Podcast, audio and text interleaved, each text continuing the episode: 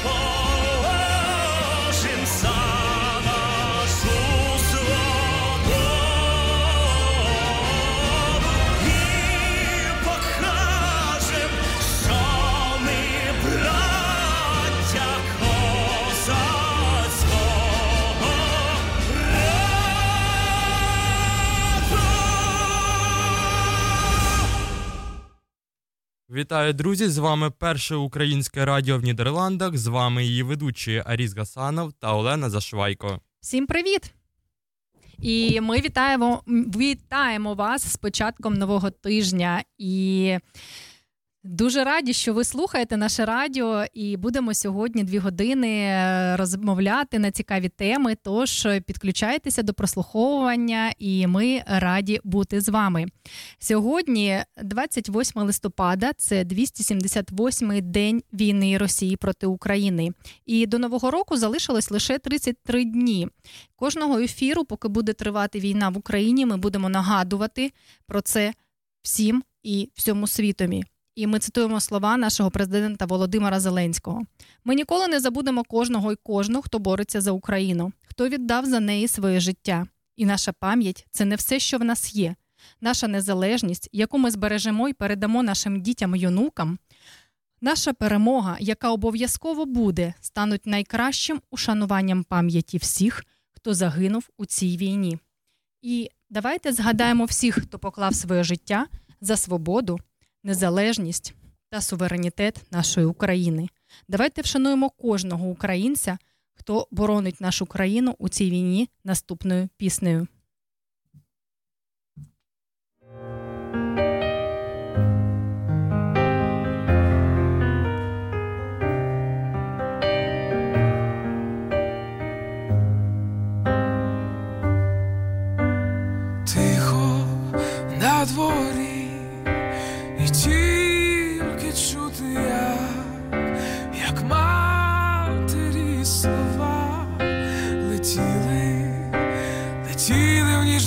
Ніж бачиш, сину мій, свічка не заса, до віку буде вже горіти, горітиме вона.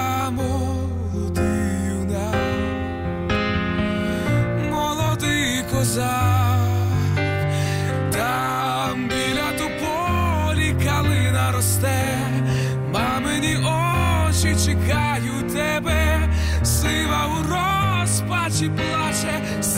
все чекає, та вмовши його душа мам. Я бою за волю пішов далечінь, за правду і долю нових поколінь, за тих, хто в морі далеко і крилами лелеки повернеться живі, рік вже промайну прийшла нова весна, а спокою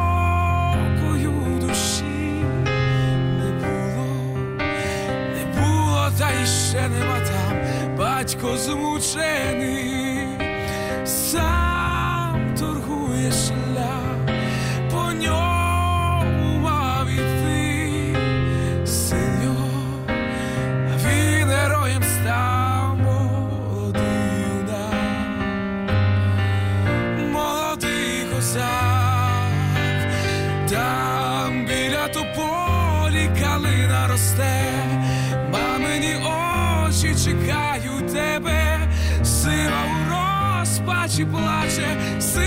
чекає, та в його душа. Мам. Я бою за волю пішов далечінь, за правду і долю нових поколінь, за тих, хто в морі далеко, і крилами лелеки повернуться живі там, біля тополі калина росте,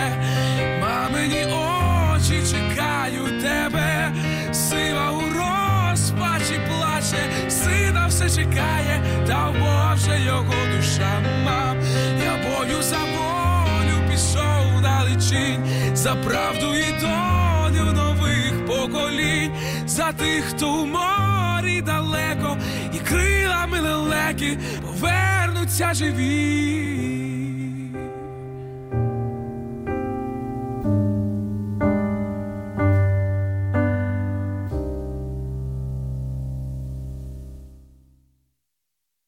А ми продовжуємо наш ефір і хочемо наголосити, що сьогодні аж дуже таке актуальне свято, саме пов'язане з подіями в Україні, це День милосердя.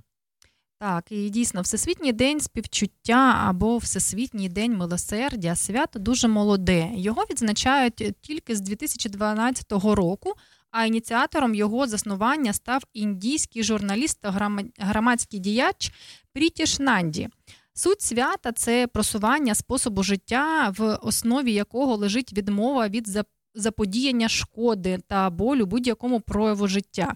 Ідея прийшла з е, джайнізму, який є е, наріжним каменем індуїзму та йоги. Дуже класно. Ти займався взагалі йогою? Ой, ні, але я знаю, що це дуже важко. Прям. Прям ну, дуже ти знаєш, є йога різна, там є і для початківців, і хатха йога, тож я тобі це не для пропоную мого терпіння, спробувати. Оленя. Це не для мого терпіння.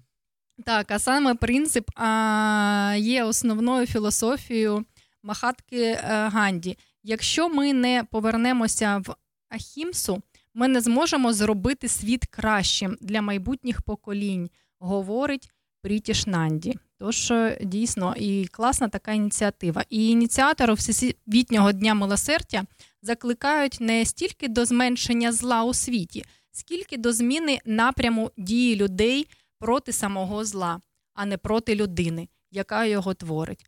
Досить складне філософське визначення насправді дуже легко формулюється двома християнськими заповідями: не убий і не люби ближнього твого, а і люби ближнього твого як самого себе.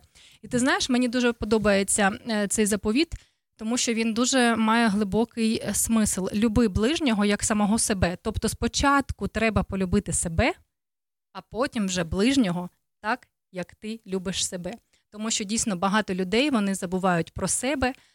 А загалом зараз, під час таких всяких подій, да і взагалі дуже багато, особливо матусі, там дівчатка, е, коли у них питаєш, там хто важливий, найважливіша людина в твоєму житті, вони починають розповідати: та то дитина, то чоловік, то батьки, то ще щось там, то кіт. Ну, ти розумієш, да? Ну, в цьому а... суть українського батьківства, я тобі хочу так. сказати. А взагалі, головною людиною для кожного, головним е, персонажем для кожної людини є саме ти. Саме саме ти сам для себе. Ось така філософія. І Егоїзм? Тож... Ні, це не егоїзм, це дійсно, коли знаєш, правильно, ми з Катериною нашою Скареднєвою спілкуємося, і вона постійно каже про те, що. Навіть у лі, у літаку, коли ми летимо кудись, то нам що каже Сюардеса? Надінь спочатку на себе маску, а потім на свою дитину або на сусіда. Тому що дійсно так і в Біблії ти бачиш, полюби ближнього свого як самого себе. Тож дуже класна така філософія, гарне свято.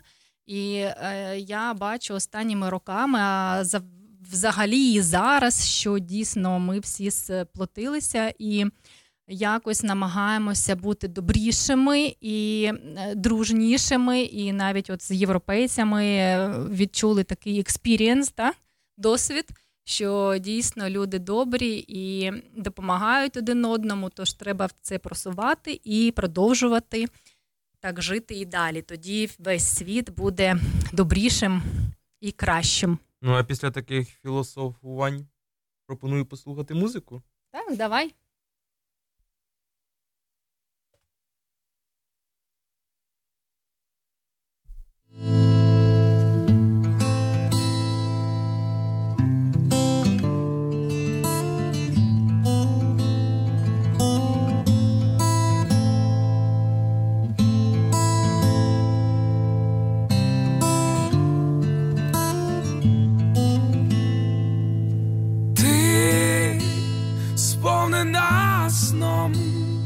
Дивишся в ніч, пробач, я не той, ти чекаєш грози, та сонце зійшло з твоїх долон.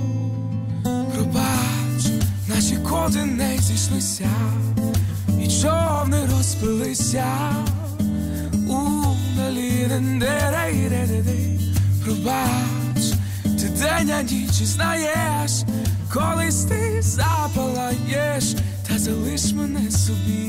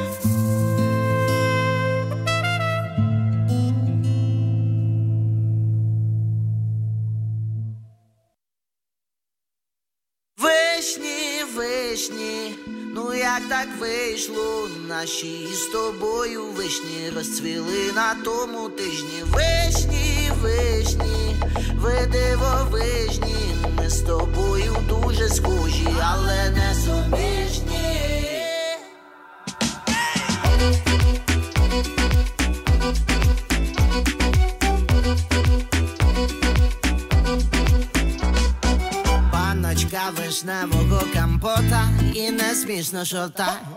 Я підкинув вишню в небо, не попав до рота. З першої хвилини, закохався сильно, не дивився на часи, загубив години. Ніжно, так ніжно. Вийшло, як вийшло, все вище і вище, танці в ліжку на горищі. Вишні вишневі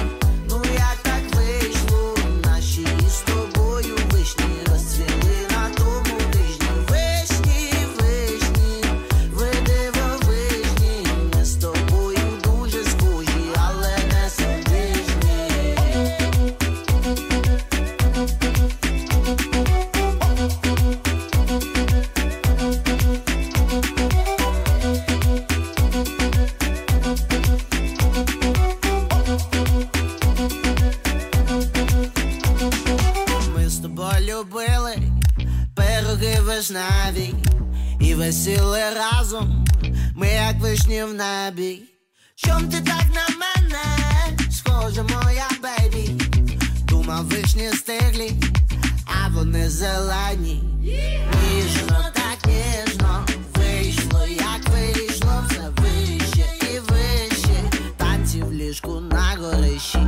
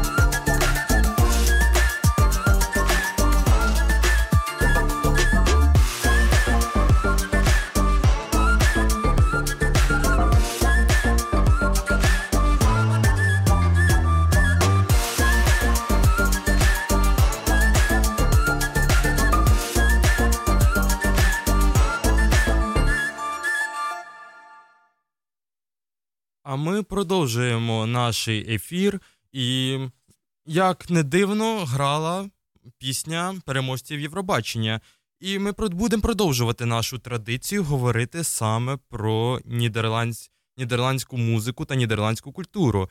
І сьогоднішня тема буде, як не дивно, пов'язана саме з Євробаченням, тому що будемо говорити про нідерландського виконавця Данкана Лоуренса, який переміг в 2019 році на Євробаченні в Тель-Авіві з піснею Аркаде. Нідерландський виконавець дуже цікава особа, як я вам скажу. Е, З, одні, з одного боку народився в дуже примітивному нідерландському містечку, де, можна сказати, нічого не було пов'язано з музикою, а з іншого боку, величезна музична кар'єра. І я вам скажу, що образ, який веде Данкан, і культура, яку він несе, є досить цікавою, тому що його позиція в світі музики і в самому світі як людини е, є дуже високою серед е, інших виконавців, серед інших музикантів. Вони дуже поважають його. І так, щодо е, самого, самої біографії Данкана Лоуренса. Народився в примітивному нідерландському містечку е, в сім'ї, яка не була повністю пов'язана з музикою. Е, перші, перші свої роки він його можна сказати тягло до музики. Він був е, барабанщиком там, з 4 до 10 років. Його дуже сильно тягло саме на барабани. Е, Після цього батько і вирішив все-таки його віддати до музичної школи, де він е, навчився, де йому дуже подобалося, але він гадав, що це не його. І тому е, захотів піти в вищий склад, вищу школу, де е, отримав е, дуже гарну освіту. Школа називалася е, Ро, е, е, Рок Коледж, де Данкан створив свою першу групу, і з якою почав свою музичну кар'єру. Е, Свою пісню Аркаде, яка так і перекладається Аркада, де він розповідає про кохання, про що таке кохання. Е, Він працював з першого курсу свого навчання в цьому коледжі.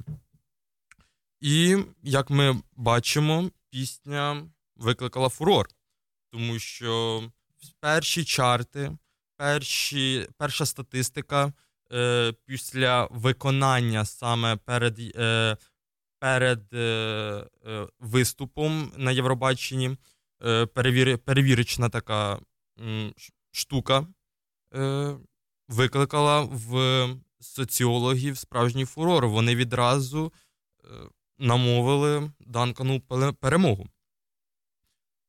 Я пропоную послухати цю пісню. Так, дійсно, давай. Чому ж ні? Ми ж вже запровадили з тобою традицію традицію да, слухання нідерландських пісень, і це дуже класно, тому що ми будемо знайомити не тільки європейців з українською музикою, а й українців з нідерландською. Поїхали.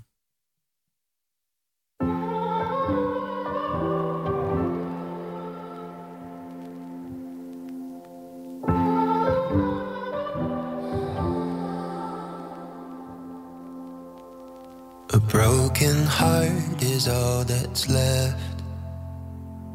I'm still fixing all the cracks.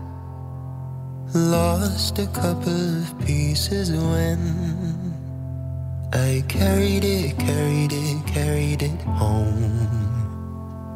I'm afraid of all I am. My mind feels like a foreign land. Silence ringing inside my head. Please carry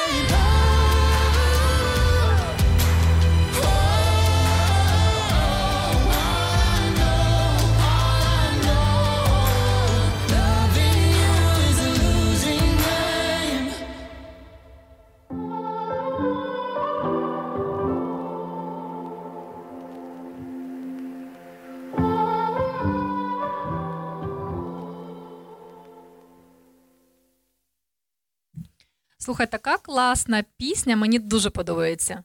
А тепер я не сказав головніше, найголовніше про цього виконавця. Ну, давай. Данко... Жги. Жги. Да.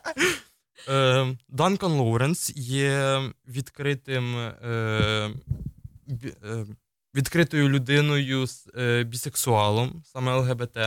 І як не дивно, він проживає в Ларені. Вау, круто! Тож слухай, давай якось може з ним зв'яжемося і може проведемо інтерв'ю. Це було б, мені здається, дуже прикольно. Дуже класно, тому що я знаю цю пісню, і коли е, ти мені зараз скажеш про те, що він проживає саме в тому місці, де у нас знаходиться студія, ну це взагалі, е, це взагалі щось таке неймовірне. Ну, будемо сподіватися, любі радіослухачі, що вже у наступних ефірах ми зможемо вам зробити такий презент, е, да, сюрприз і Справжню дій- зірку запросити. справжню зірку запросити до нашої студії. Ну, це взагалі щось неймовірне. Так, гаразд. А тепер в мене є для тебе пропозиція. Кажи. Я знайшов дуже цікаву гру. Напевно, наші глядачі, наші слухачі її знають. Угу. Називається вона Було не було. Угу. Е, в мене є м, певне речення, Угу. де м, є в цьому реченні. м, Я тебе можна трошечки Так, переб'ю? так. Е, Давай же ж розкажемо взагалі, що відбулося е, на цих е, вихідних, і Так, що взагалі, так, взагалі, так. що у нас сталося в нашій з нашою командою першого українського радіо. Революція! Революція, друзі! Е, В суботу у Амстердамі ми з нашою командою мали зустріч, е, де проговорювали структуру нашого радіо. реформування нашого радіо. Так, реформування, структуру, таймінги і взагалі е, нові ідеї. Тож е, у Аріси з'явилася класна ідея проводити такі міні-ігри у ефірі нашого радіо, щоб якось вас розважити та підвищити настрій. Тому що дійсно такі ігри, вони взагалі ми в прошлого ефіру з тобою грали, і це виявилося досить таки Ще цікаво. одна традиція чек. Так, досить цікаво. І що ж ти підготував новенького? А Ну розкажи Дивися. тепер. Гра називається Було не було. Угу. Е, в мене є бліци. Угу.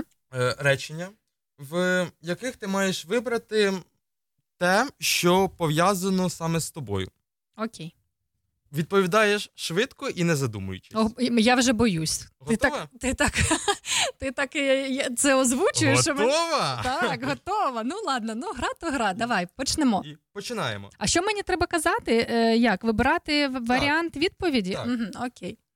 І Давай. ми починаємо. Угу. Короткі штани в мороз чи легкий пуховик в плюс 20? А, короткі штани в мороз. Дірка у шкарпетках чи дірка в бюджеті? А, нехай буде в шкарпетках. Обматюкати чи піти в кулачний бій? Обматюкати це святе.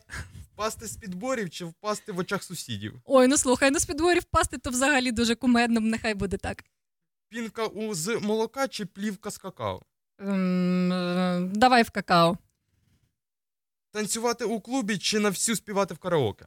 Блін, ну тут оба варіанти дуже класні. Я хочу і танцювати у клубі в караоке співати, а можна Ідем, ідем. Ідем, так. Важкий, поч... Важкий поцілунок чи легкий секс? Важкий поцілунок. Все буде так, чи все буде як захочу? Е, і так, і як захочу. А ще знаєш, як буде? Все буде Україна. Це буде Україна. Так. І на цьому, мені здається, можна закінчувати. Дуже класна ігра, слухай. Ми про тебе дізналися більше. Більше, да? Більше. День, день пройшов не, не так уж то і то. Я пропоную Угу. наступну естафету. Я знаю, що в середу у нас буде гостя. Так. Це Є. буде ж дуже е, творча людина, тому що у нас в середу саме тема культури творчості. І це буде режисер, яка знімає класні такі соціальні проекти, і не тільки, і саме про це ми поспілкуємось. І я пропоную провести з нею Угу. Таку цю, гру? Ж, цю ж гру. Давай, Все вона зараз не чує нас. Напевно. напевно. Так, давай. Я думаю, що це буде дійсно дуже чудово і весело. А зараз пропоную перейти до музичної паузи. Давай перейдемо до музичної паузи, а після музичної паузи розкажу трошечки, що відбувалося у неділю в Амстердамі. З тебе є щось цікаве? Так. Вау. Музична пауза. Darling, you look прокинувся вранці, не застелене моє ліжко.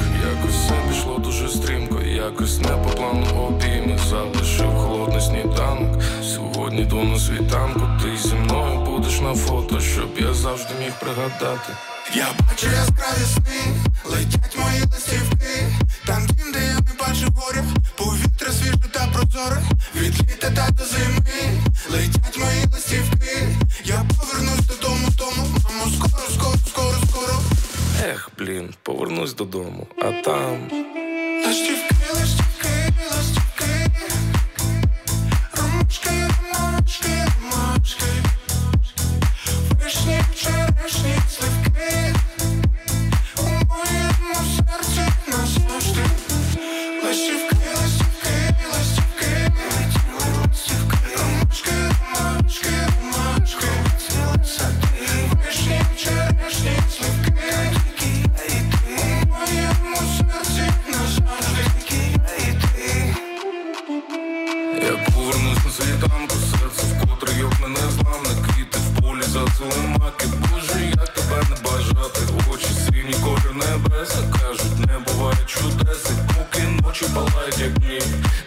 Над літають вони.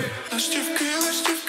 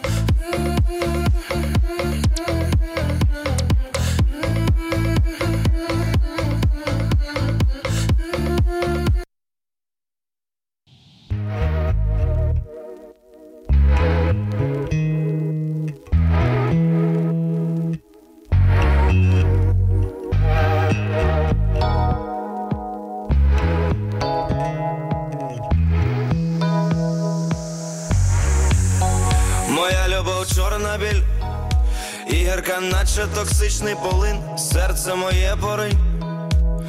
Подивись, мій реактор горить. Моя любов білий дим, ставлю я тіло у віброрежим, так закортіло мені бути з ним, але на танцполі лише тільки дим.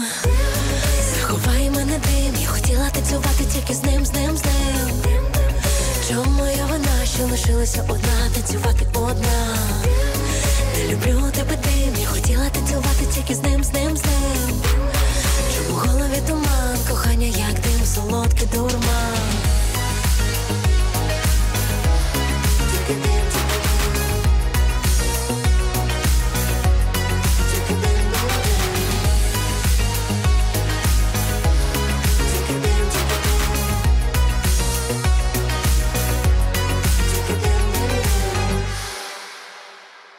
Я в солодкому твоєму полоні, але сльози солоні, твої на долонях моїх, я не встиг, кров б'ється в скроні, я без тебе просто не звик. Як це хочеш, назви, але тільки не йди назавжди. У цей дим зачекай, тільки не з ним, проміж тим може бути злим дим, і холодним, і навіть сумним.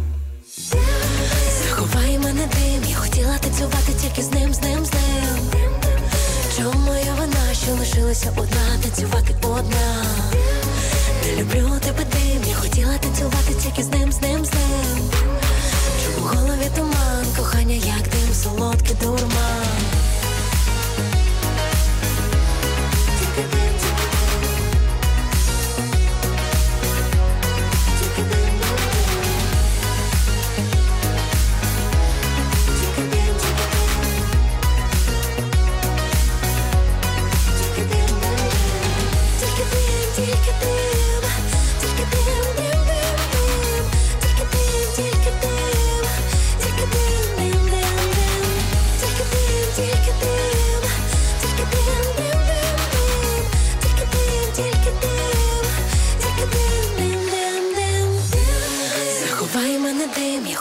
танцювати тільки з ним, з ним, з ним. Чому моя вина, що лишилася одна, танцювати одна. Не люблю тебе тим, я хотіла танцювати тільки з ним, з ним, з ним. Чому в голові туман, кохання, як дим, солодкий дурман. Тільки дим, тільки дим, тільки дим, тільки ти, тільки дим, тільки дим, дим, дим, тільки дим, тільки дим.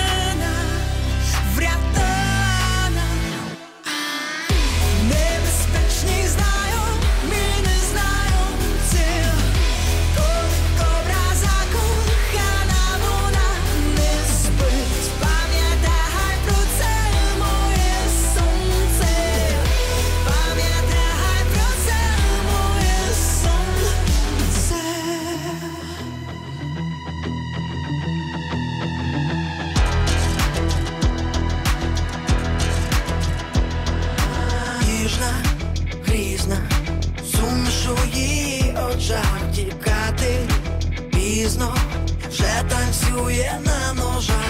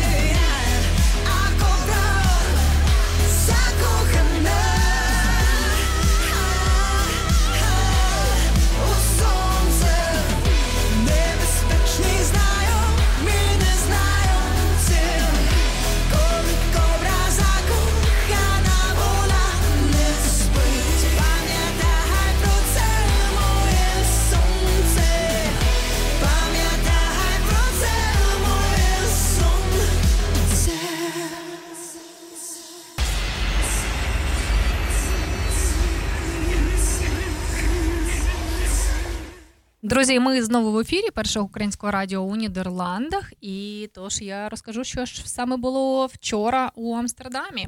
А так, а вчора проходив дуже такий крутий, потужний арт-фотопроєкт а, під назвою Мотанка.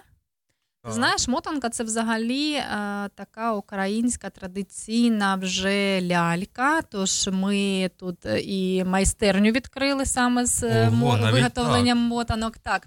І коли я дізналася, що в Амстердамі буде проходити е, такий е, фото-арт-проект, то я була просто в захваті, і, звісно, мені дуже було цікаво прийняти участь. І його організатором була Марфа, це фотохудожниця. Її роботи виставляються в Києві, Амстердамі і навіть у Токіо. І ти знаєш, е, я вчора бачила її роботи. Це такі класні. Журнали, і саме ті, котрі були вистав... виставлені у Токіо, Е, це щось неймовірно. Такі, знаєш, у А яка така тематика? Тема, тематика, е, ну, взагалі там е, ну, ці країни вони дуже такі яскраві, там Ну, і так. дракони, такі, і дівчини такі гарні. І от там були Косплей, я знаю. дуже класно, да. І е, роботи дуже круті. А от тематика саме мотанки це Сама, сама головна мета проєкту привернути увагу Європи до війни в Україні, а також привернення уваги до родин, чиї чоловіки не мають можливості побачити своїх коханих.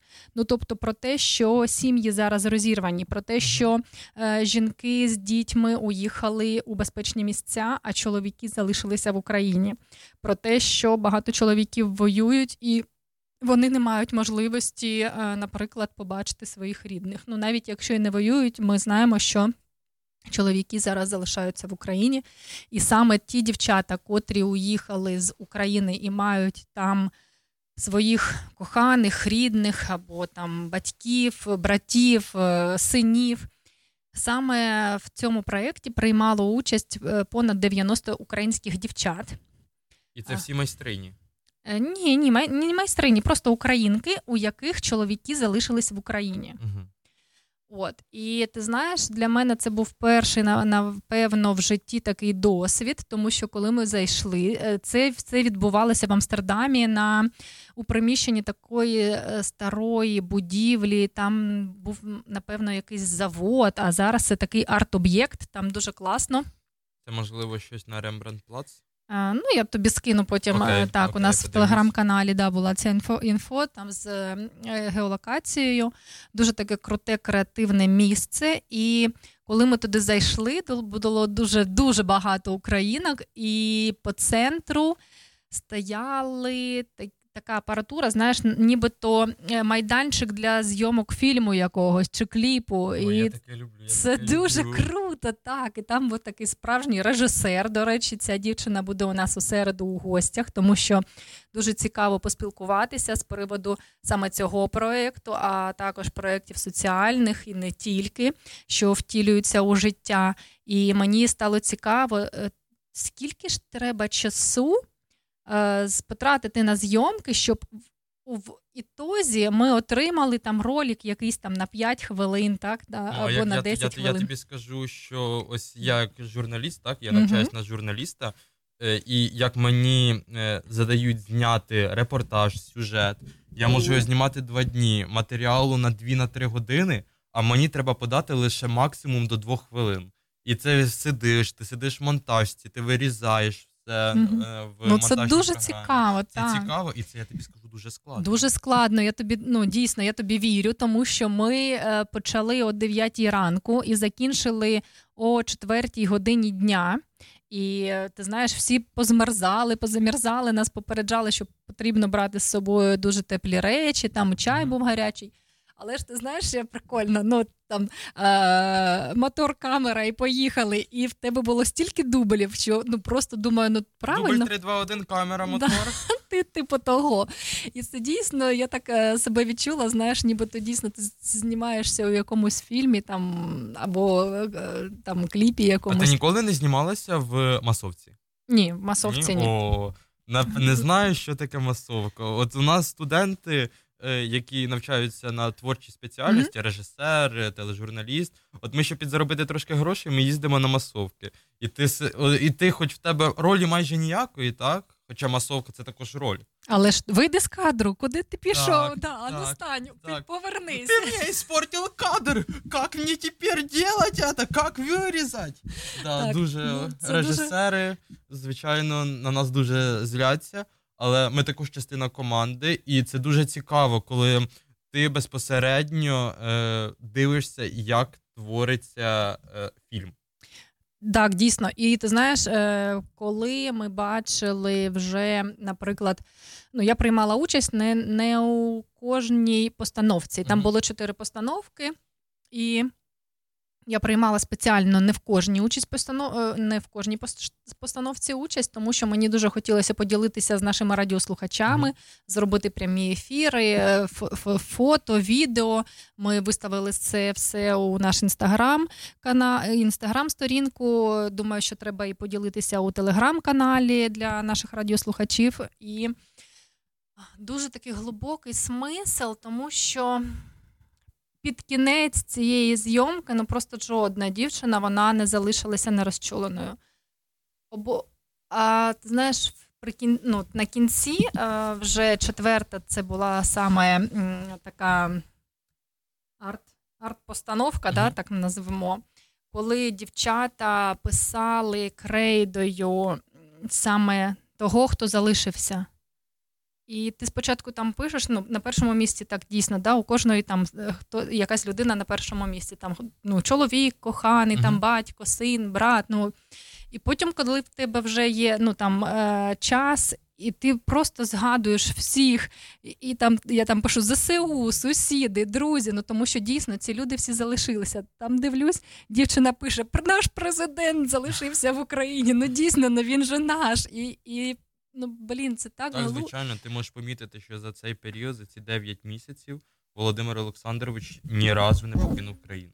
І так він же і тримається як е, класно, і завдяки саме нашому президенту і нашим Хоча мені здається, Збройним після силам. інтерв'ю BBC і погляду Олени Зеленської, коли Володимир Олександрович сказав, що йому ніхто не готує не сніданки. готує сніданки. Так, це вже взагалі Мені здається, виникла без- небезпека, навіть з якою не можуть справитися його охоронці. Ну, я думаю, що там е, розмова була дома жорстока. Серйозно, так. Серйозно, так. А тобі сніданки не готують, ну все тобі, хана.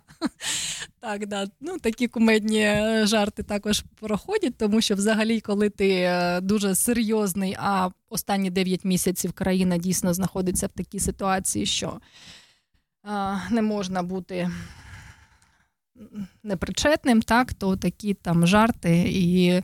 Навіть такі жарти, ти знаєш, мені здається, що вони і дратують нашого ворога, тому що е, саме завдяки е, такому оптимізму, е, веселощам, якимось там жартам і стьобам, просто вони дратують і, і показують, що наша нація непереможна. Так. Але цей погляд, мені здається, як в Тіктоці сиджу, і багато почали, ну, почали обговорювати саме це. І коментарі були: Боже, сподіваємось, з нашим паном президентом все добре. Мені цікаво, як він пережив ніч. О, дома, напевно, була серйозна розмова. Так, ну да, це дуже кумедно. А якщо хтось із наших радіослухачів цього не бачив, то загугліть саме е, інтерв'ю да, Так, з BBC, коли Зеленський сказав, що йому ніхто зранку не готує сніданок, і погляд його дружини це просто щось неймовірне. О, давай же ж також постібемося з такої новини, яка зараз. О, Ем... Боже, тільки не говори, хоч ти, що ти хочеш розказати про Кацапстан. Е, Ну, ну а про що? Ну, у нас дивись. Е, називається новина Кадиров наградив Кадирову орденом Кадирова. Як це звучить? Да? Ну, прикольно ж все ж таки. Вторая дочь голови Чечні Рамзана Кадирова, начальник департамента е, дошкільного е, навчання мерії Грозного Хадежа Кадирова. Награждена орденом Кадирова. Ух ти, господі, сам, сам наградив, себе наградив, доньку наградив, всіх наградили. Ка- Кадиров, Ка- Кадировстат якийсь. А ти бачила, як е, під час, здається, це була Прага е, виступу е, нашої знаменитої Вірки Сердючки, е, як коли мама зверталася, а Віра така: Мамо, ну що ти говориш? Підходить до камери каже: Скабєєва, сука! Ні, я такого не бачила. О, Треба, треба також е, подивитися. Так, дійсно, зараз дуже багато новин, дуже багато каналів, і м, ми намагаємося надавати дійсно таку саму актуальну інформацію, тому що просто можна здуріти з, з такого просто напливу кожного дня, кожної хвилини ми бачимо всякі. е, Всякі новини, різноманітні Меми, новини, новини. но- меми, так. І саме головне, щоб е, вміти розрізняти пропаганду. пропаганду від е, дійсності, від фактів, і розуміти, що інфогігієна то дуже головне, тому що зараз багато дуже сайтів створюються спеціально для того, щоб дезінформувати населення. Тож довіряйте. Лише перевіреним істочникам і слухайте і читайте інформацію дійсно правдиву, і що ви будете впевнені, що це дійсно Правда. А сьогодні у нас, до речі, у другій частині нашої передачі буде підключення з нашою ведучою Ланою Чумаченко, і ми будемо обговорювати е, новини за останній тиждень. Тож також буде дуже цікаво. І що, що ми про це можемо сказати? Це ж ми так вирішили проводити такі рубрики, рубрики новини. У нас тепер по І понеділках. Це ще буде не Не, Не остання новина, не так, останні дійсно, рубрики. не остання рубрика. У нас тепер, друзі, по понеділках буде е, рубрика саме новини. Це буде у другій половині нашого ефіру. І проводити її буде Лана Чумаченко. Це наша співведуча. З Амстердаму, тож е, дискусії дочекайтеся вже за півгодини будемо підключатися. А зараз, Зараз пропоную музику послухати. пауза. Угу.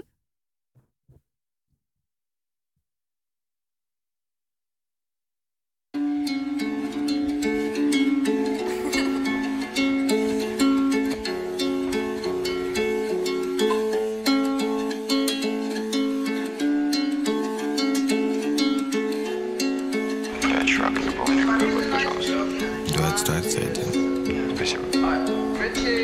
Киев это дом, даже если дома не Киев. Киев это дом.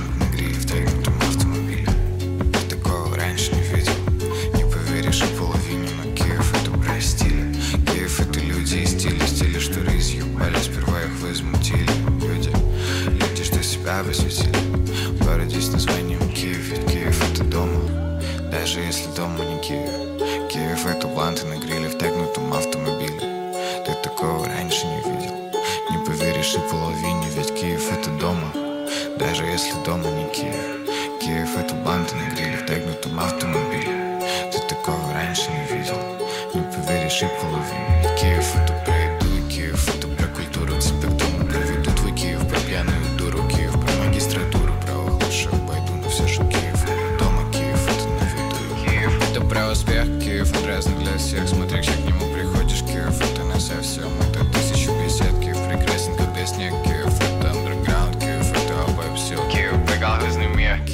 заказать всем. Киев про последний шанс Киев про 17 лет. Киев про не почерствел. Киев сотка децибел Киев очень много дел. Киев дурной завладел Я сажу Киев это дома.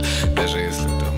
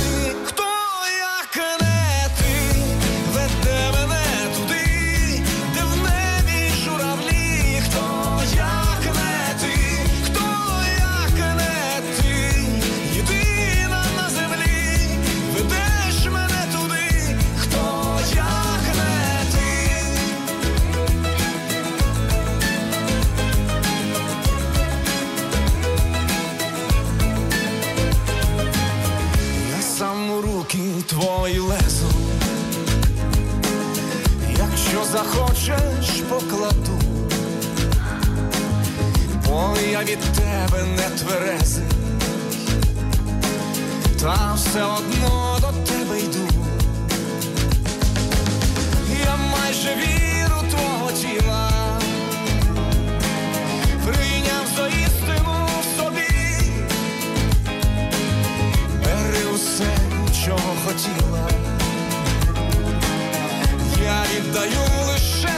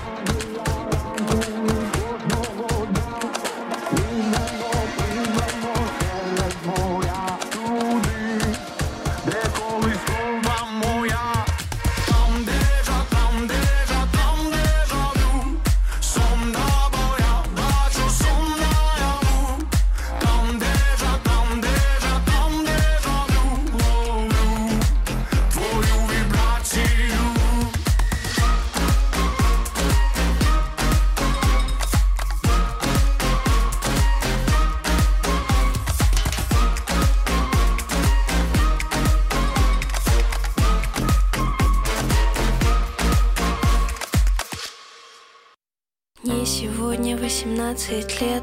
Дай зажигалку, выключи свет. Никого звать тут, никого нет. Задуваю свечи под свист ракет. Я так давно пеку, что не знаю от чего. Я так молода и не знаю всего. Тебе тоже противно от себя самого. Поцелуй на прощание и дай обещание. Мы встретимся дома в Киеве в мае. Я помогла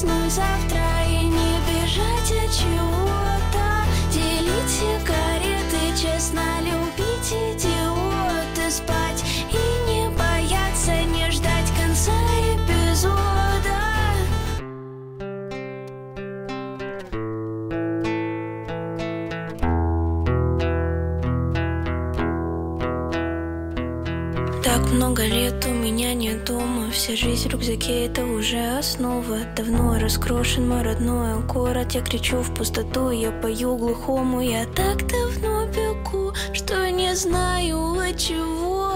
Мне негде остаться, у меня нет ничего. Я пишу про любовь даже когда тяжело. Забей на расстояние Я точно знаю. Мы встретимся дома В Киеве в мае я помогла писать портреты, жить ради кого-то. С надеей я проснусь завтра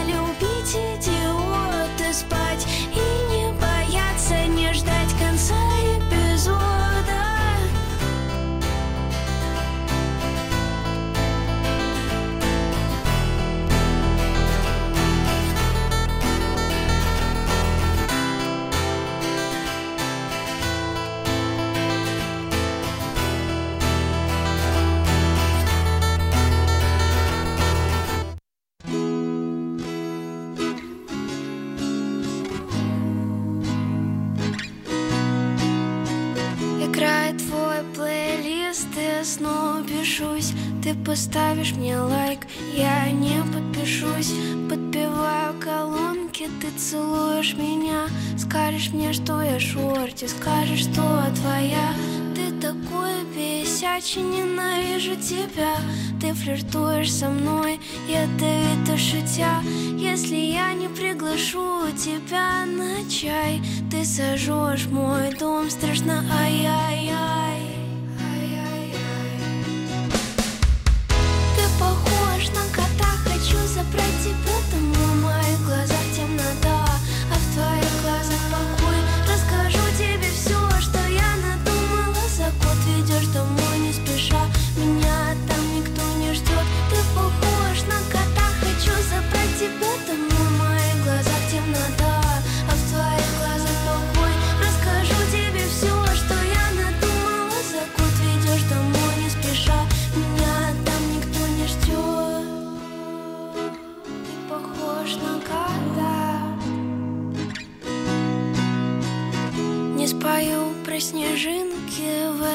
году Если я задохнусь, то точно не в снегу.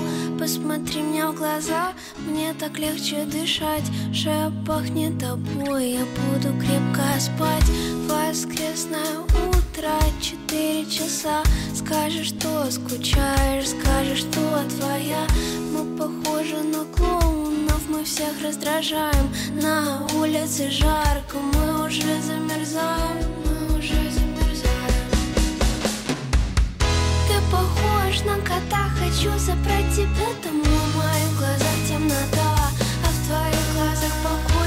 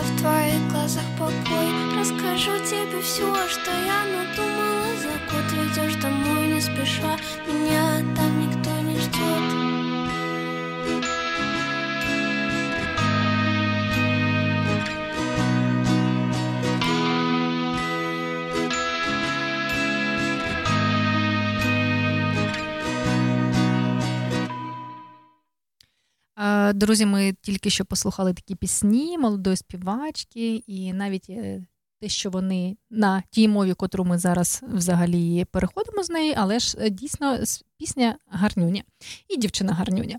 І, і до чого я це кажу? Тому що королівство Нідерланди дуже турбується про те, як саме себе е, відчувають підлітки і молодь з України, котра зараз перебуває у Нідерландах. І для правління е, королівства важливо, щоб молодь, яка виїхала з України до Нідерландів, також була почута. Тож е, вони просять. І потребують е, саме допомоги нашої в цьому. І зараз ем, е, Аріс прочитаю це назву цього, цієї компанії, тому що я тільки на тільки вчу я нідерландську. І, до речі, у нас також з'являється нова рубрика з цього приводу. Будемо казати анонс. Ми вирішили, що дуже багато часу ми проводимо е, з нашим радіо з українським, і люди, котрі перебувають у Нідерландах, і не тільки, а й ті, котрі живуть в Україні чи в інших країнах світу, будуть дуже. м, Буде дуже гарно, якщо Корисно. корисно, да, гарно і корисно, якщо е, ми будемо знати додатково ще й нідерландську мову. Тому що ми вирішили зробити таку міні-рубрику з вивчення нідерландських слів. Спочатку це буде будуть просто слова, тому що ми будемо їх починати вчити разом з вами, тому що я. Також ну просто зізнаюся вам, що мені дуже соромно, що я вже тут проживаю дуже до- довго часу, але я не знаю цієї мови, тому що я так більше акцент робила на англійську. А от Аріс прийшов до студії, і він, блін, так класно просто видає, видає фрази. Думаю, ні, ну з цим треба щось робити, треба вчити. І от ми вирішили зробити таку е, міні-рубрику. Е, Коли вона буде, ми вам повідомимо трошки пізніше. так, нідерландськ, нідерландські слова. Вони будуть у нас і у телеграм-каналі, і потім ми будемо їх озвучувати. Треба зробити якусь таку із заголовок. Заголовок, добре. Ну, ми ще над цим працюємо. А, так, ну давай, Так ось. Як, наз- е, як називається це Організація. організація, яка проводить це опитування? Це е, Флаг, Флагталінхенверк. Ну, я таки навіть не вимовлю. Так, і от саме ця організація проводить, це опитування для підлітків від 10 до 18 років. І на його основі вони зможуть покращити існуючі послуги та створити нові. І якщо вам від 10 до 18 років, то, будь ласка, заповніть анкету, котру ми розмістили у нашому телеграм-каналі інформаційному, щоб е, саме ця організація знала, як у вас справи та які ваші потреби. Опитування займе всього декілька хвилин вашого вільного часу, часу але для цієї організації е, воно дуже важливо.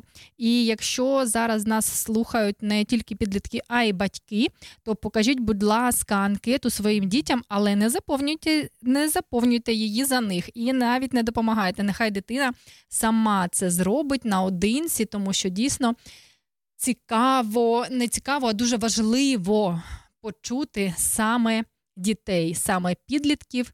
І зрозуміти, що треба зробити, щоб покращити їхнє перебування Ну, у Нідерландах. тобі скажу, що це дуже прикольна ініціатива, тому що, як я знаю, е, в багатьох підлітків на, е, на, на те, що переїхали в іншу країну, Мгм. покинули своїх друзів, свої захоплення, виникають депресії.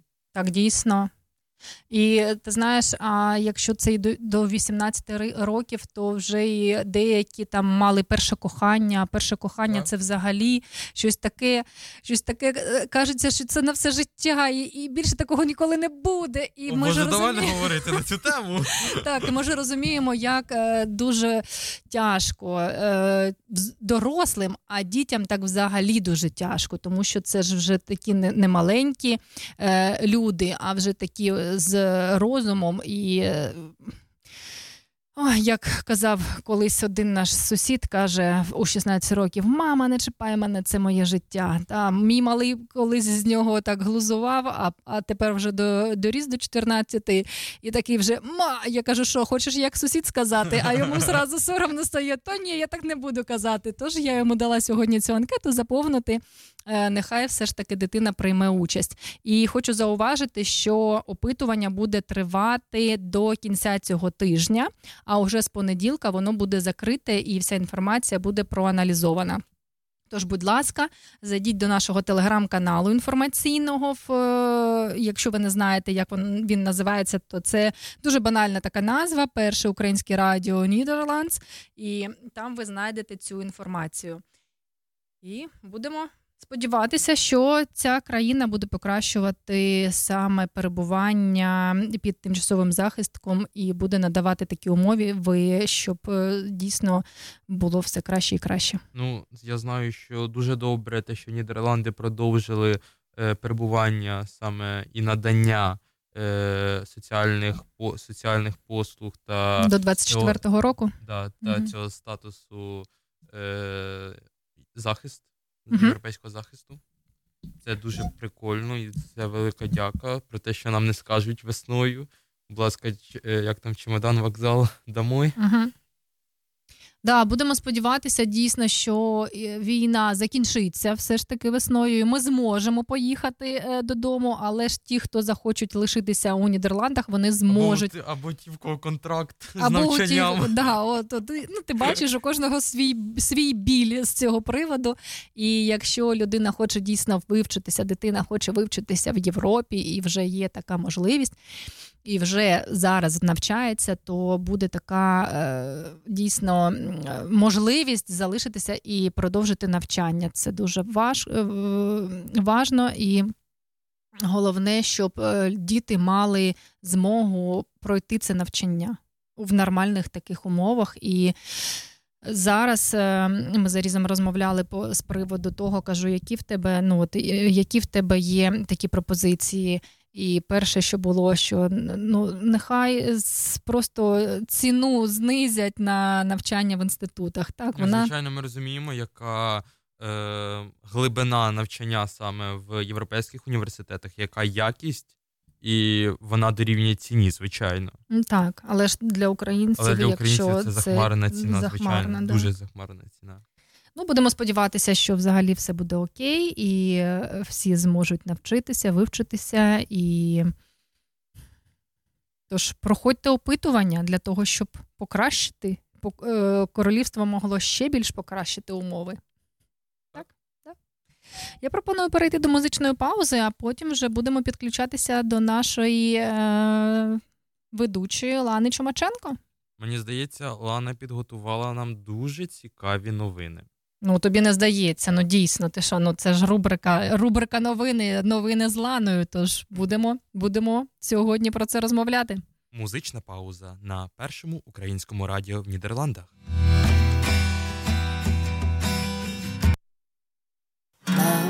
Зрозумій, до ранку буду гуляти я з ним на Дніпрі п'янію, то не моя вина.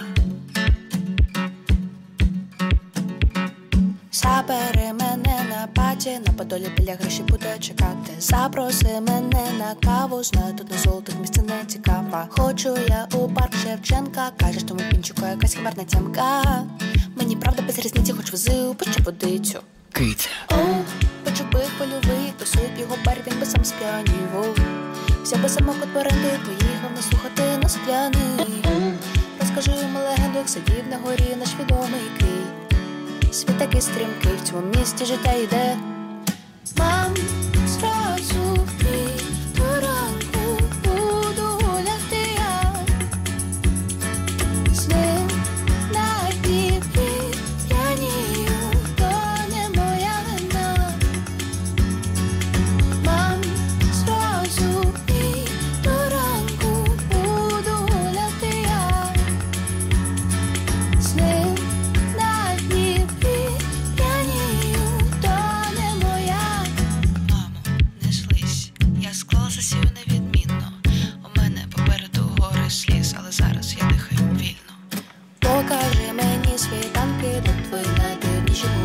Захід сонця на пейзажці і забуду підземку вранці. Сядем маці на поштовій, ой, там знову людей море.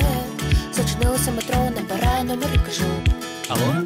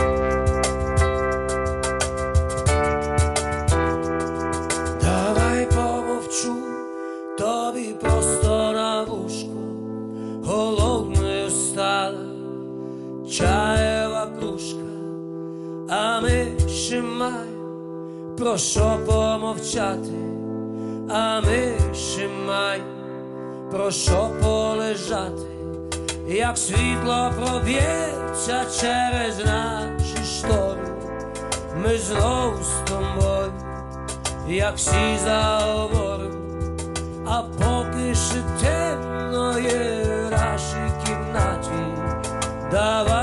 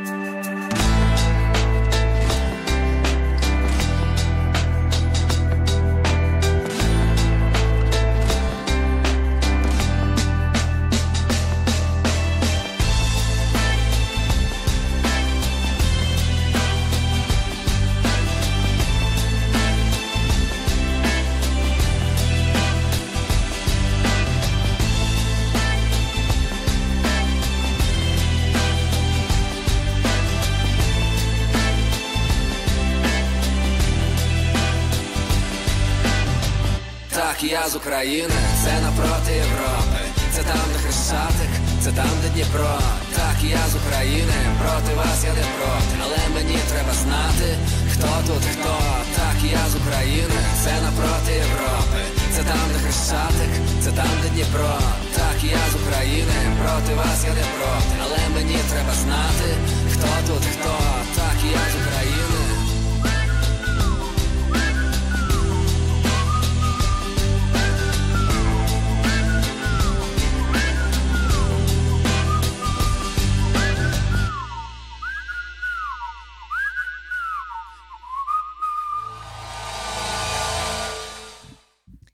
Ми продовжуємо наші, нашу рубрику.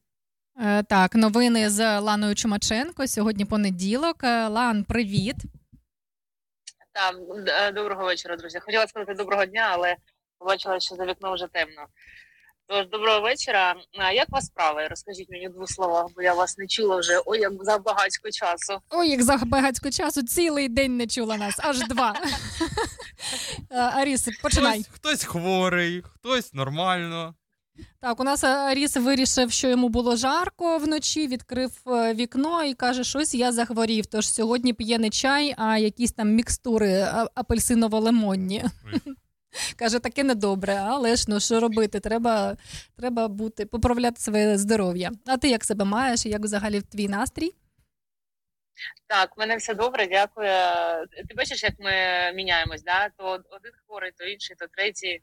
Таке життя бентежне. Я ось знаєш, е, дзвонила в Україну сьогодні, розмовляла зі всіма своїми, і я знаю, що вони там е, все ж таки в блекауті, без світла. Люди е,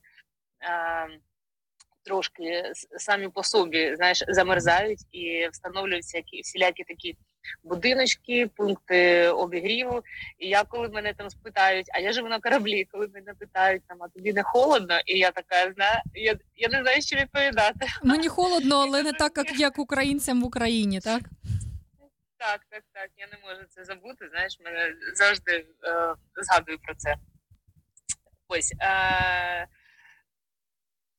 якщо ми е, почали розмовляти знаєш, за Україну, то е, я бачила таку новину сьогодні. То може ти теж бачила, давай з тобою про це поговоримо. Давай. Що Україна здійснила тестовий імпорт електроенергії з Румунії. Так, так. Так, ми... це дійсно було таке, я про це читав. Е, розкажеш деталі? А давайте розкажи, що ти читав. Е, я читав, що це е, був тестовий, е, тестовий імпорт про заміщення електроенергії саме до е, найближчих атомних станцій. Так, ти все правильно, все правильно. ти- яка в нього пам'ять. Ну так дійсно, Так, журналіст же. Е, Саме 27 листопада е, цього року у тестовому режимі імпортували некомерційні обсяги електроенергії з Румунії. А, я думаю, що це дуже цікава новина, і знаєш, е, наші е, сусідні країни допомагають нам не тільки там грошима, озброєнням, а ще і отакими ресурсами. Мені здається, що це дуже круто, і нам треба ще раз подякувати е, Румунії.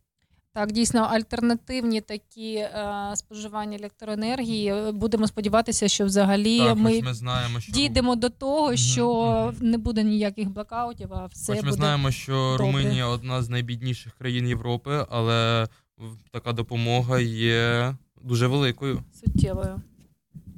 суттєвою допомогою. І знаєте що? Я сьогодні а, побачила ще таку прекрасну, як мені здається, новину, бо я, я вірю у, у всіляке, знаєш, таке у щось нове. Ага. І ось що ви собі думали, друзі? А, японські вчені вони спробують. Я, я розумію, що це тільки спроба, але вдумайтесь, японські вчені спробують отримати електрику зі снігу. Ух ти, клас. В Україні снігу багато. Я сьогодні прочитала цю новину і така думаю, а що це? А як тобі таке, Ілон Маск, на секундочку? Ну вони його просто розтоптали. Розтоптали. І е, експерти очікують, що енергія снігу вироблятиметься з низькими витратами.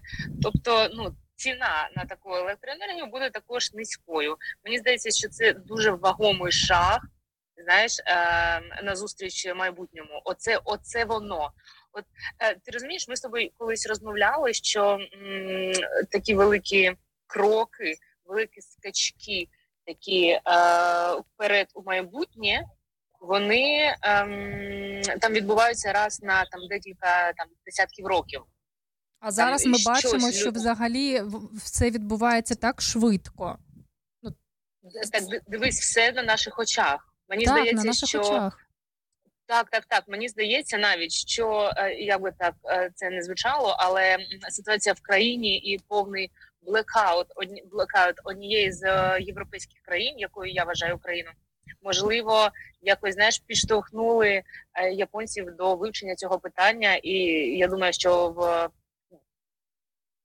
уже, уже, уже от, от е, там наступний е, або наступний рік, і в нас буде ще одне таке велике відкриття від японців. Так, дуже Як вам така новина? Супер новина. Сподіваємося, що вже дуже скоро вона буде впроваджена у життя. І ти знаєш, коли зараз я бачу, що всі люди купують генератори бензинові, дизельні. А я, а мені так е, пощастило мати друзів нідерландців, і перебуваючи у них у гостях, я побачила таку коробочку. Ну, така, знаєш, як генератор, тільки ну, трішечки, трішечки ну, вона не дуже маленька, ну, от саме як генератор, тільки, тільки не металева, а якась вона така пластикова, ну так прикольно виглядає. Я кажу, ух ти, а що це таке? Ну, я собі сфоткала, у мене телефон там ну, може. Е- коли ти фо- фотографуєш, потім воно там гуглить, якось само там знаходить і тобі каже, що це таке. Так от, це така штука, як великий павербанк, і він заряджається від сонячних панелей. Тож я думаю, що це дуже класна альтернатива Я тобі для скажу, що в. Нідерландах е, дуже розвинена система саме сонячного Так, заряду. тут, тут повністю Так, так, це правда. е, Ну, на, я можу сказати, що принаймні у Ларені, у Бларікумі майже на кожній на кожному даху є такі панелі. Ну тож ми і в Україні бачили, що таке є, але е, портативний такий пристрій, котрий ти можеш поставити у, у свою автівку і повезти куди хочеш, там на природу, або поставити собі на балкона, і воно ж зовсім екологічне і може. Там є різні е, потужності від 600 кВт і більше, принаймні зарядити там лептопа, телефона, або там ну, зробити собі тост, е, ну, чи, чи підігріти а, ну, чаю, там, да, зробити їжу, то можна буде зробити з- за допомогою цього пристрою. І, звісно, ціна вона така немаленька. Але якщо зараз подивитися на ціни генераторів в Україні, то я так бачу, що е, ну, можна в Європі купити цю, цей пристрій на сонячній енергії, і буде навіть дешевше. Так, буде навіть дешевше, чим е, генератори в Україні, тому що ціни зараз взлетіли просто космос. А ти знаєш, що е, насправді е, е, велика ціна, е, велика вартість цих е, генераторів не найстрашніше.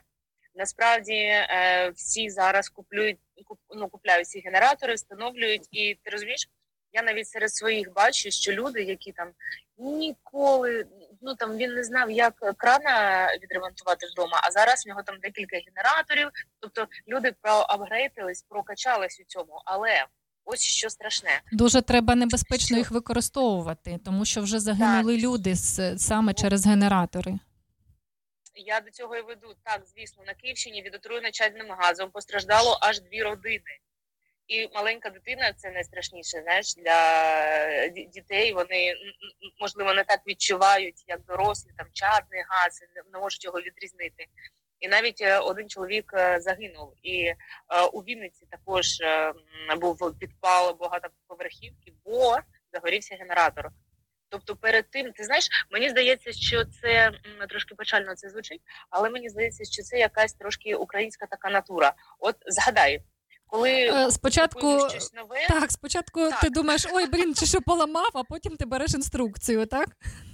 Так, так, так. Ми, ми спочатку все робимо, щоб йогось кудись в угол зігнати, воно вже димиться, і там, а що це за деталі? Та це лишні. Або, А так димиться, то так треба, та навірно, да. А потім ти береш інструкцію. Тож, друзі, е, так, я вас благаю, що спочатку ми дізнаємось, як що з цим робити, читаємо якусь інформацію, а потім вже приступаємо до якихось конкретних дій.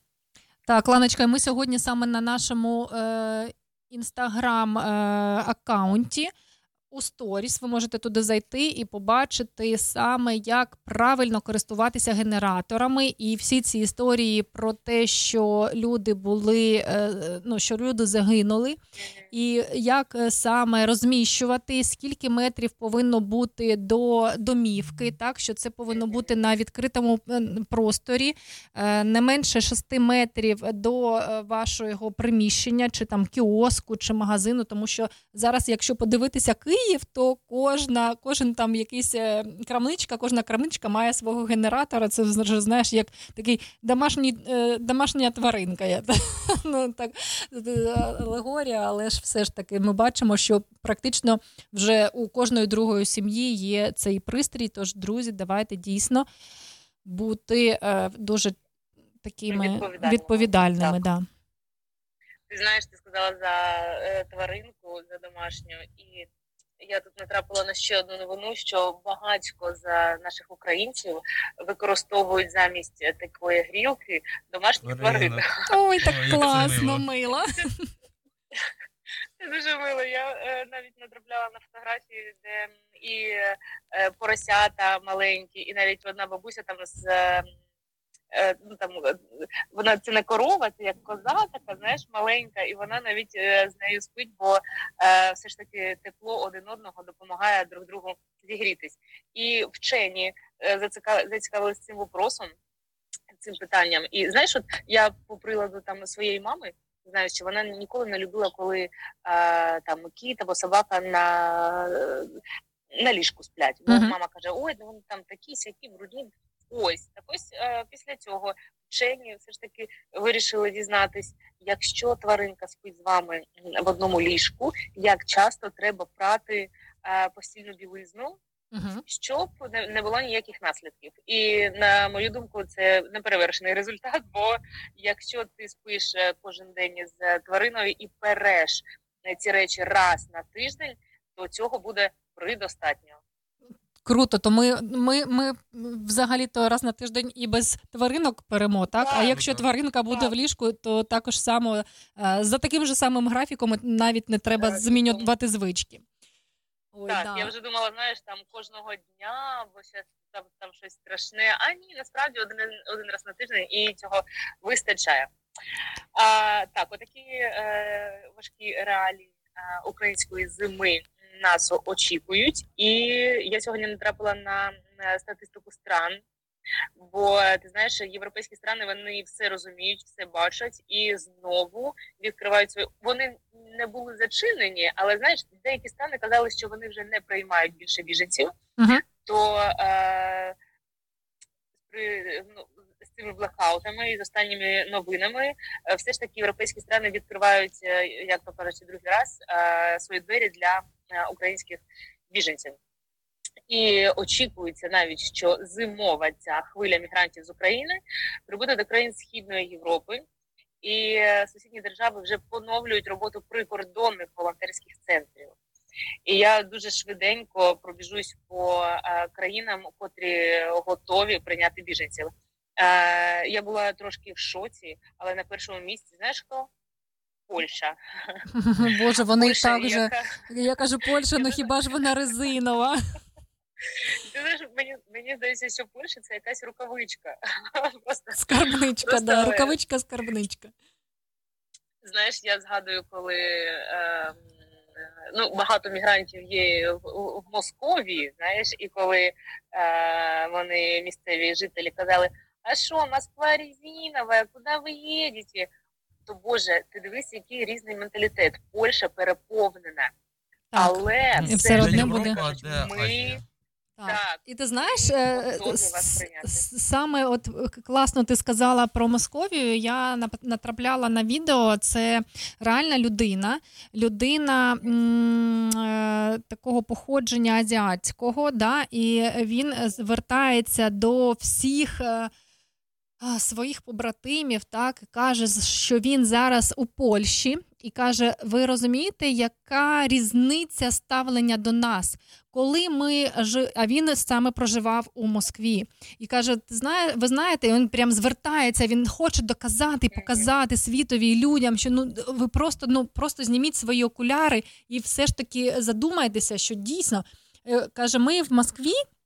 Взагалі, ну як до нас ставилися? Москвичі постійно на нас що казали? Там гастробайтери, О, е, вот там эти хахлы по опять ні, я навіть не про українців кажу, а саме про ну як вони там хачі чи да, східної національності. Ти розумієш? Ну якось і дуже це так.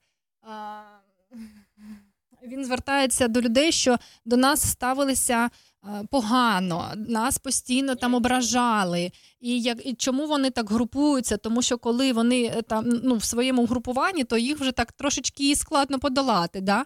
А е, каже, коли я приїхав до Європи, до Польщі, то взагалі люди не звертають уваги на е, країну мого походження. Зі мною спілкуються дуже добре, дуже чемно. Навіть якщо я не знаю там англійської чи якої мови, то вони е, стають у положення з розумінням ставляться, пропонують перекладачів, допомагають знайти роботу. Каже, я просто був шокований, тому що дуже багато років провівши там, я не знав, що можна було жити нормально тут.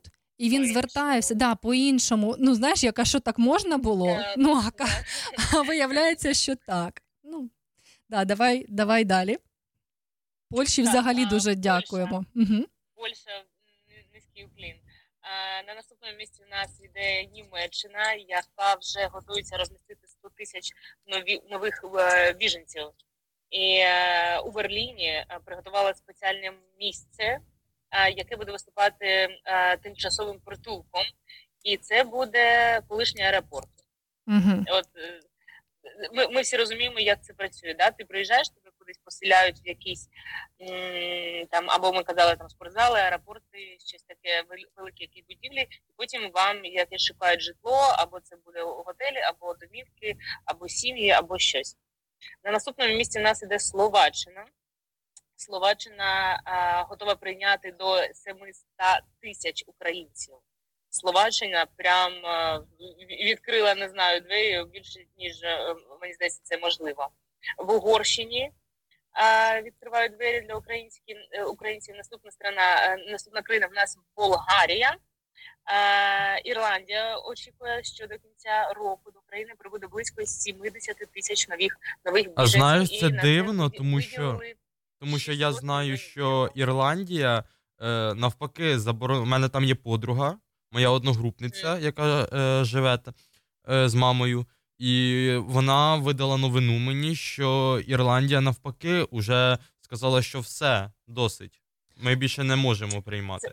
Це так, це, Це- всі країни казали до, до того, що сталося з Україною зараз. Так, так, так. Це, це було, бо я знаю, що і Польща, і Німеччина вони закривали двері також. Але зараз, коли вони розуміють, яка ситуація в країні, е, в Україні е, коїться, і що люди просто можуть е, там вмерти, не знаю, без світла, е, опалення і тепла, то вони, ну, як я вже е, сказала, знову відкривають для нас свої двері. Так, закінчується мій лист країн, такими країнами, як Чехія та Румунія.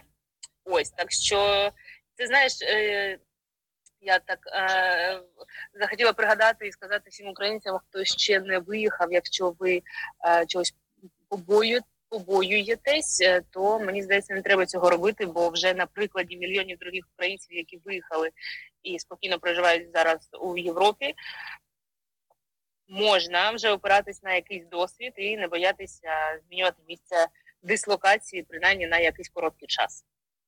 Так, і тут немає вибухів, тут немає сирен, і дійсно навіть це дуже корисно для психічного стану, тому що 9 місяців жити у стресові, і як ти казала на минулих ефірах, що дуже. Дуже страшно від того, що розумієш, що люди вже звикли, звикли до того. Да. Да, І тому ми ще раз наголошуємо, хто в Україні і хто відчуває, що він в небезпеці, будь ласка, за можливістю виїжджайте або на захід країни, або з кращий випадок за кордон.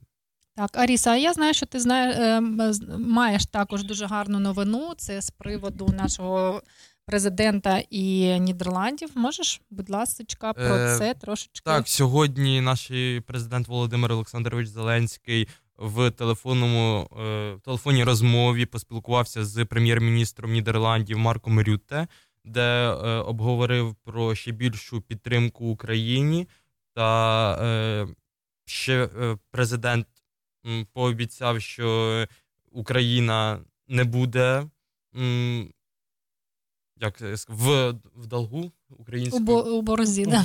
у, не буде в боргу перед е, краї- країнами Європи, особливо Нідерландів.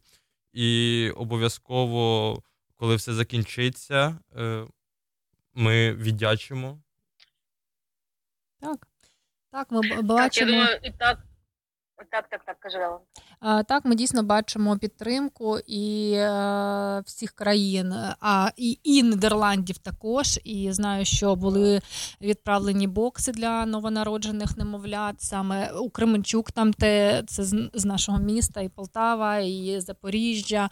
Тож е, вони розуміють, що дітки народжуються, попри те, що йде війна, і життя продовжується, і е, це дуже гарно і дійсно.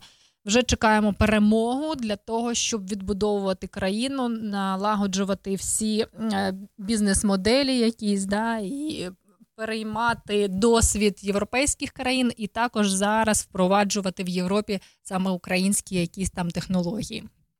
Тому що у нас it спеці... спеціалізація, то взагалі number one у всьому світі.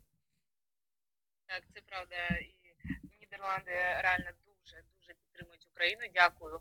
Е, Котре дякую цій країні, і я впевнена, що ми ніколи в боргу не залишимось. Так, а час Ти нашого знаєш- ефіру. А, кажи. Угу. Ти знаєш, я ем, в мене буквально дві короткі новини. Мгм. Я дуже коротко. Мгм. Одна моя це не улюблена. Я, я не знаю чого, знаєш, бо моє серце десь там щось в моєму там хіхікає. Е, ця новина вона набула е, широкого розголосу, і я впевнена, ти про це знаєш. Що СБУ Мгм. а, вони робили облави на е, московський патріархат. Знаєш, Там взагалі, да. Про це можна зробити цілий ефір. Так. Так от. Ось його, значить, е, я не знаю, як це прислужника Бога, знаєш, я- в мене не повертається язик, так сказати. Але цього архімандрита УПЦ е, спіймали у ліжку з 17-річним хлопцем під час обшуків СБУ. І ти знаєш, у мене я я вже скоро. Я проживаю в Нідерландах. І я коли побачила, побачила цю новину, і як цей чоловік виглядає, у мене тільки знаєш одне питання. Навіть у нього був секс. Як це таке взагалі можливо? Скажи мені. Ну, якось так. А ти знаєш, у середу саме це буде всесвітнє свято. Тож про це також і вже поговорять наші радіоведучі, тому що в середу буде Тетяна і Аріс. Та? А він каже: ні, ні, ну а що, ну, ну тут слухай, слухай, 18 років все норм. Я заболію. Каже, я заболію. Ні, тут ваші українські штучки не проходять. Ой, ну я не можу. Так. З 18 років це так, а тому хлопчині було 17, і те- він ще співав у церковному хорі е, разом з цим з прислужником диявола, мені здається. Але, але взагалі, ти знаєш, це дуже правильно, і я хочу подякувати хлопцям із СБУ, що нарешті вони взялись за це, бо ми знаємо, що не тільки це було виявлено.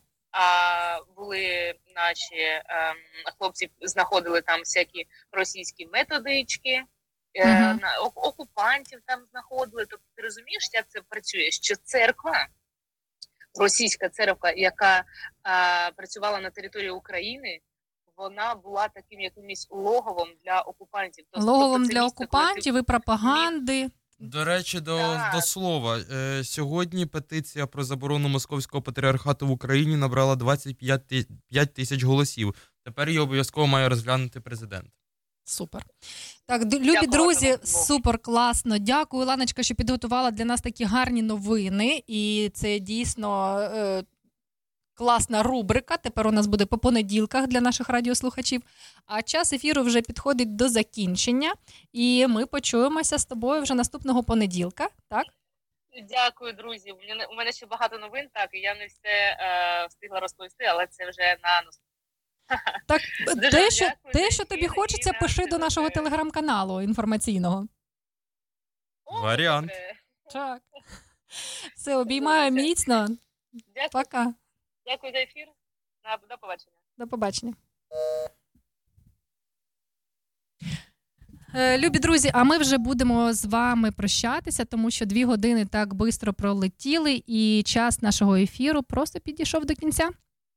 З вами були українське радіо в Нідерландах і її ведучі Олена та Різ. Музична пауза. І Так, і- прощання. Так, і знаєш, що я ще хотіла нагадати?